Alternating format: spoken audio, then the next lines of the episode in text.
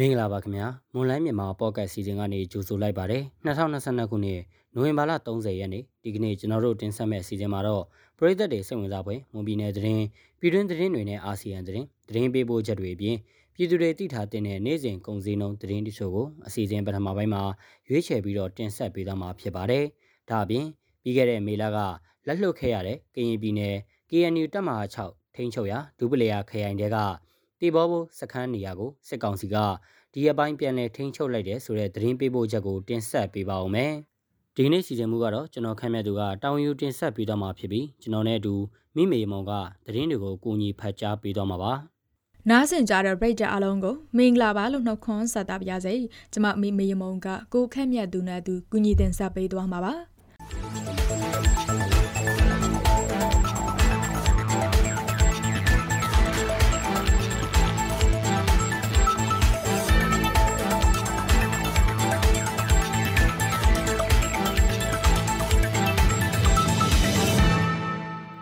ကြိုက်ထုံမြို့နယ်ကလျှက်စစ်အင်ဂျင်နီယာရုံးကအရာရှိတအူမနေ့ကညနေပိုင်းမှာအမည်မသိလူတစုကပြစ်ခတ်ခဲ့တာကြောင့်တေဆုံးသွားခဲ့တယ်လို့မြို့ကန်တွေကပြောပါတယ်။မြို့နယ်လျှက်စစ်အင်ဂျင်နီယာရုံးကမြို့နယ်မှုဦးမိုင်းနေထွန်းအောင်ခေါ်ကိုမိုင်းဟာရုံးကနေနေအိမ်ကိုပြန်လာချိန်မှာအမည်မသိလူတစုကပြစ်ခတ်ခဲ့တာဖြစ်တယ်လို့သိရပါတယ်။ပြစ်ခတ်ခံရပြီးတေဆုံးခဲ့တဲ့ဦးမိုင်းနေအောင်ထွန်းဟာအရင်ကပေါင်မြို့နယ်မှာမြို့နယ်အငယ်တန်းအင်ဂျင်နီယာယာဒူးနဲ့တာဝန်ထမ်းဆောင်နေရကနေပြီးခဲ့တဲ့9လလောက်ကမှကြိုက်ထုံမြို့နယ်ရုံးကိုအေအီယာဒုနဲ့ယာရုတို့ပြောင်းရွှေ့ခဲ့တာဖြစ်တယ်လို့လည်းမြို့ကန်တွေရဲ့ပြောပြချက်အရသိရပါဗျ။သူဟာကြိုက်ထုံမြို့နယ်အတွင်းကရက်ကွက်ကြီးရွာတွေကိုလျှက်စစ်မီးဖြတ်တာ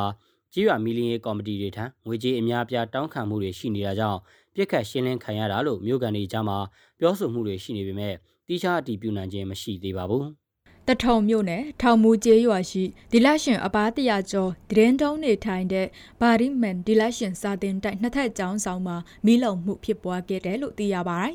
မနေ့ကမနက်9နာရီခန့်ကနှစ်ထပ်ကျောင်းဆောင်အပေါ်ထက်ဖျားခန်းမှာဖျောင်းတိုင်မီနဲ့စီမီပူစော်ထားချိန်ဖျောင်းတိုင်မီကနေတစ်စစ်မီးလောင်ပြီးကျောင်းမီးလောင်မှုဖြစ်ပွားခဲ့တာဖြစ်တယ်လို့ဒေသလူမှုကူညီရေးအတင်းဝင်တူကပြောပါရယ်မီးလောင်တာကြောင့်ဒီလရှင်အပါ40ခက်တရင်တောင်းတဲ့30 40ပေတွက်မို့အောင်ညက်ပြင်းခင်အဘော်ထက်ပြင်ကာနှစ်ထပ်ကျောင်းဆောင်မီးလုံပြက်စီးခဲ့ပြီးကျောင်းအဆောင်တွင်းရှိဒီလာရှင်ဝတ်ရောင်တွေအပါအဝင်ဓမ္မစရိယတန်းစာအောက်စာတန်းတွေစာရေးကရိယာတွေနဲ့အသုံးဆောင်ပစ္စည်းတွေမီးလုံဆုံးရှုံးသွားတယ်လို့ဆိုပါတယ်။ဒါအပြင်လက်တလောအခြေအနေမှာတော့ဒီလာရှင်တွေအတွက်သုံးဆောင်ဒီလာရှင်ဝတ်ဆောင်စာအောက်စာတန်းတွေအရေးပေါ်လိုအပ်နေတယ်လို့လည်းသိရပါတယ်။မြန်မာနိုင်ငံကိုလေကြောင်းကနေဝင်ရောက်မဲ့ခရီးသွားတွေအတွက်လေရင်ဆိုက်ရောက်ချိန် ဓာတ်ခွဲစမ်းသပ်မှုယူရမယ်ဆိုတဲ့ကန့်သက်ချက်ကိုဒီဇင်ဘာလ၁ရက်နေ့ကစလို့မြန်မာအာဏာပိုင်တွေကဖြေလျှော့ပေးလိုက်ပါပြီ။ဒါပေမဲ့မြန်မာနိုင်ငံမဝင်ခင်မှာကိုဗစ်ကာကွယ်ဆေးထိုးပြီးကြောင်းတက်တေကန်လက်မှတ်ဒါမှမဟုတ်မြန်မာနိုင်ငံကိုဆိုက်ရောက်ချိန်မတိုင်ခင်48နာရီအတွင်းကိုဗစ်ကင်းစင်ကြောင်းဆေးစစ်ချက်ပြသရမှာတော့ဖြစ်ပါတယ်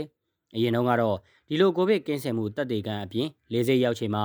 RTT နီးနဲ့ဓာတ်ခွဲစမ်းသပ်မှုခံယူကြရတာပါ။ဒါပေမဲ့လည်း ကယ်ဆယ်ရေးလေရင်ခီးနဲ့ဝင်ရောက်မဲ့သူတွေနဲ့နေဆက်ဝင်ထွက်ခိတ်တွေမှာဝင်ရောက်မဲ့ခီးတွေအတွက်တော့ရခိုင်တတ်မှတ်ချက်တွေတိုင်းဆက်လက်ဆောင်ရွက်မှာဖြစ်တယ်လို့လည်းဖော်ပြထားပါတယ်။ကင်းနီပြည်နယ်တီမော့ဆိုအရှိဘက်ကျွမ်းရှိကျေးရွာတွေကိုစစ်ကောင်စီရဲ့အချွေစိုက်တပ်တွေကနိုဝင်ဘာလတတိယဘက်ကစတင်ပြီးလက်နက်ကြီးတွေနဲ့နေရောညပါဆက်တိုက်ပစ်ခတ်မှုလှုပ်ဆောင်နေတယ်လို့တရားခံတွေကပြောပါတယ်။ တိုက်ပွဲဖြစ်ပွားမှုမရှိဘဲစစ်ကောင်စီကလက်နက်ကြီးတွေနဲ့ဆက်တိုက်ပစ်ခတ်လာတဲ့အတွက်ကျေးရွာတွေထဲကြပြီးအရက်သားထိခိုက်တာတွေနေအိမ်ပျက်စီးတာတွေရှိနေပါတယ်။ပြီးခဲ့တဲ့နိုဝင်ဘာလ29ရက်မနက်ပိုင်းမှာလဲဒီမော့ဆိုအရှိဘဲချန်ကကျေးရွာအတွင်းလက်နက်ကြီးထပ်မံကျလာပြီးအသက်38နှစ်အရွယ်ဘီတူတူခြေထောက်ထိခိုက်သွားတယ်လို့သိရပါတယ်။ဒီမော့ဆိုအရှိဘဲချန်ကအချို့ကျေးရွာတွေတဲကိုလက်နက်ကြီးမကျလာတာတလနီးပါးကြာပြီးဖြစ်ပြီးရွာသူရွာသားတော်တော်များများကကျေးရွာတွင်ပြန်လာနေထိုင်ကြပါတယ်။ယခုရပိုင်းအတွင်းမှာတော့စစ်ကောင်စီဟာနေရောညပါလက်နက်ကြီးပစ်ခတ်လာနေတာကြောင့်ပြည်လက်သိမ်းရှောင်နေကြရတယ်လို့တရားခံတွေကပြောပါတယ်။ထိုင်းမြန်မာနယ်စပ်မဲဆောက်မြို့ကနေတက်မြို့ကိုသွားတဲ့လမ်းမှာမနေ့ကနိုဝင်ဘာလ29ရက်နေ့ညပိုင်းကမြန်မာအလုံသမားတွေပါတဲ့ဘတ်စကားတစ်စီးတိတ်မှောက်ခဲ့ပြီးထိုင်းရင်မောင်းနဲ့မြန်မာအလုံသမား2ဦးတိတ်ဆုံးခဲ့တယ်လို့ထိုင်းရောက်မြန်မာအရေးဆောင်ရွက်ပေးနေသူတွေစီကသိရပါဗျ။အဲ့ဒီကားပေါ်မှာထိုင်းနိုင်ငံကို MOU စနစ်နဲ့လာရောက်အလွတ်လုပ်ကိုင်တဲ့မြန်မာလုံသား45ဦးလိုက်ပါလာတာဖြစ်ပြီးရင်တိမ်မှမှုကြောင့်တေဆုံးသူ3ဦးအပြင်ထိခိုက်ဒဏ်ရာရရှိသူတွေလည်းများတယ်လို့သိရပါဗျ။နောက်ဆုံးရရှိထားတဲ့သတင်းချက်လက်တွေအရကားပေါ်မှာခရီးသည်နဲ့ဘတ်စကားဝင်တဲ့စုစုပေါင်း48ဦးနိုင်ငံသား45ဦးနဲ့ထိုင်း2ဦးတို့ပါဝင်ခဲ့ပြီးရောင်ဝါဦးအေဂျင်စီကပို့ဆောင်ထားတဲ့မြန်မာလုံသားတွေပါဝင်တဲ့ကားဖြစ်တယ်လို့လည်းသိရပါဗျ။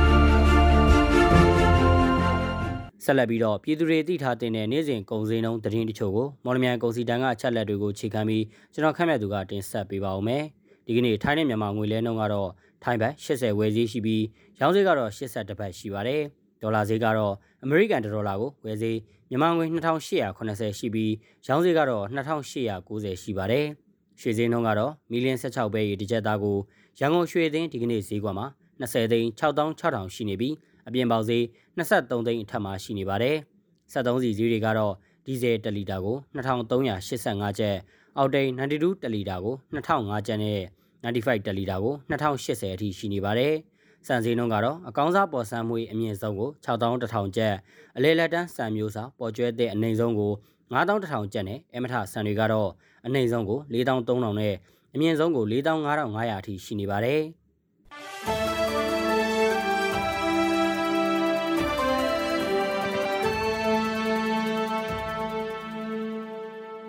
အခုတင်ဆက်ပေးသွားခဲ့တာကနိုဝင်ဘာလ30ရက်နေ့မှာဖြစ်ပျက်ခဲ့တဲ့မွန်ပြည်နယ်သတင်းပြည်တွင်းသတင်းနဲ့အာဆီယံသတင်းတွေပြင်တနိဒာစီစေးငွေစည်းနဲ့ကုန်စည်နှုန်းတွေကိုတင်ဆက်ပေးသွားခဲ့တာပါ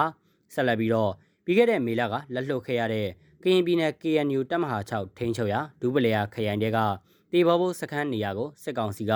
ဒီရက်ပိုင်းမှာပြန်လည်ထိန်းချုပ်လိုက်တယ်ဆိုတဲ့သတင်းပေးပို့ချက်ကိုစတောင်းတစ္ဆာကတင်ဆက်ပေးပါဦးမယ်။ ကရင်မျိုးသားလူမျိုးရေးတပ်မတော် KNLA PDF ပူးပေါင်းတပ်ဖွဲ့တွေနဲ့စစ်ကောင်စီတပ်တွေကြားတိုက်ပွဲပြင်းထန်နေတဲ့တေပေါ်ဖို့ဝေါ်လီကြောက်ခက်ဖလူစားတဲ့နေရာတွေကိုစစ်ကောင်စီဘက်ကနေပြန်လည်ထိန်းချုပ်နိုင်ခဲ့တယ်လို့စစ်ကောင်စီဘက်ကသတင်းထုတ်ပြန်ခဲ့ပါတယ်။ဒီနောက်တိုက်ပွဲတွေကြောင့်စစ်ပွဲရှောင်နေတဲ့ပြည်သူတွေကိုနေရပြန်နေဖို့စစ်ကောင်စီဘက်ကပြောဆိုခဲ့တယ်လို့စစ်ပွဲရှောင်တွေကိုကူညီပေးနေသူတို့ကပြောပါတယ်။ ဟုတ်ကဲ့ဒီပေါ်ဘိုးမှာရှိမယ်ဖလူးမှာရှိမယ်အဲအဲ့လိုစခန်းချထားတာဟုတ်ကဲ့ဟုတ်ကဲ့ဒီပေါ်ဘိုးမှာစခန်းချထားအဲဒီပေါ်ဘိုးရွာသားရွာတွေမှာပြန်ပြီးတော့လာရောက်နေထိုင်နိုင်ပြီဖြစ်ကြောင်းရွာသားတွေကိုခေါ်ပြောတော့ဗျာနောက်တစ်ခါအဲ BNU နဲ့ကတော့ဟလာ NC ရတိုက်တာမဟုတ်ပါဘူးဒီ PDF ပေါ့ရဲဘော်တွေအဲဒီကကွယ်တက်ခွေတွေတိုက်တာပါလို့ဒါတော့သူတို့ COA ကပြောကြတာပြောတာပါလေ ရွာသားတွေအဲ့လိုပြောအဲ့ဒါလက်နဲ့ပြည်နေပြည်အောင်မလားသွားရေးလာရေးအတွက်အနောက်ချက်ပေးမှလားမပေးပါဘူးဆိုတာတော့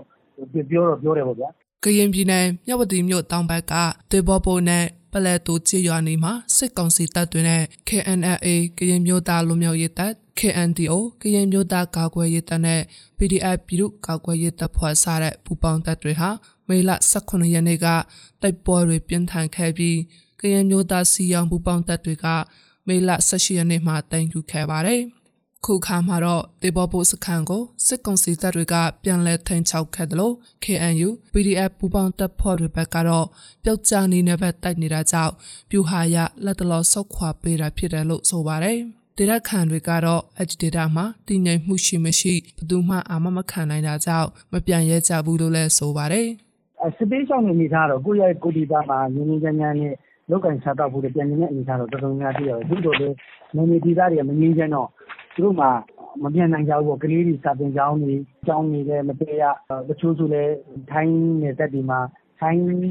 လုပ်ငန်းရှင်တွေရဲ့ပြောင်းခင်းပြောင်းတောတွေထဲမှာအလုပ်လုပ်ကိုင်ရင်းနဲ့အဆင်ပြေသလိုနေကြရတာဆိုတော့လေကျန်းမာရေးလည်းမပြည့်စုံ၊စားသောက်နေထိုင်ရတာလည်းမပြည့်စုံ။နောက်တခါအိမ်မှာရှိတဲ့ဟာတွေကလည်းအလေအလွင့်အပျောက်အရှတွေကဖြစ်နေတော့ပြန်ချင်ကြတာပေါ့။သို့သော်လည်း ပြန်ဖို့ကသင့်တော်တဲ့ကာလမဟုတ်ဘူးဆိုတာသူတို့လည်းသိတော့မပြန်ရဲကြဘူးပေါ့။တချို့စိုက်ပျိုးထားတဲ့တောင်သူတွေကတော့မဖြစ်မနေပေါ့လေသွားရောက်ပြီးတော့သီးနှံတွေရိတ်သိမ်းဖို့ဆိုတဲ့အနေအထားနဲ့ကြံထားတဲ့အချို့အဝတ်တော့ရှိကြပါတယ်ကရင်ပြည်နယ်မြဝတီမြို့တောင်ပိုင်းက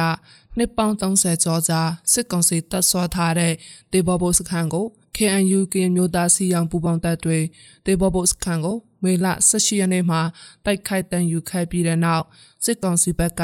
တပ်ချက်ကြီးစစ်တာဝန်ရှိသူပါဝင်စစ်တောက်ပန်တွေကိုလည်းဖမ်းမိခဲ့တယ်လို့စစ်လက်နက်အမြောက်များလည်းတင်စီရမိခဲ့ပါတယ်စစ်ကောင်စီရဲ့အရေးပါတဲ့စခန်းဖြစ်တဲ့ဒေဘောဖို့စခန်းမကြရေးတော့စစ်ကောင်စီဘက်ကလည်းလေကြောင်းကနေအကြိမ်30လောက်ပေါင်းကျက်တိုက်ခိုက်မှုတွေလုပ်ခဲ့ပါတယ်အခု6လလောက်ကြာမှတော့စစ်ကောင်စီဘက်ကအဲ့ဒီနေရာကိုပြန်လည်ထိန်းချုပ်နိုင်ခဲ့ပြီလို့ပြောဆိုခဲ့တာပါ လက်တလုံးမှာဝေါ်လီတေပေါ်ဖို့ပလဲတိုစတဲ့ကြေးရော်တွေနာမှာနှစ်စဉ်နီးပါးနှစ်ဖက်တိုက်ပွဲတွေပြင်းထန်ခဲ့ပါတယ် KNU တမဟာ6ထင်း6ရာဒေသတွေမှာတိုက်ပွဲတွေပြင်းထန်နေတဲ့အတွက်တရက်ခံတောင်းနဲ့ချီပြီးစစ်ပေးဒုက္ခသည်တွေဖြစ်ထွက်ပြေးတိမ်းရှောင်နေရတာဟာစက်တလကြောကြာပြီးဖြစ်ပါတယ်ရှင်။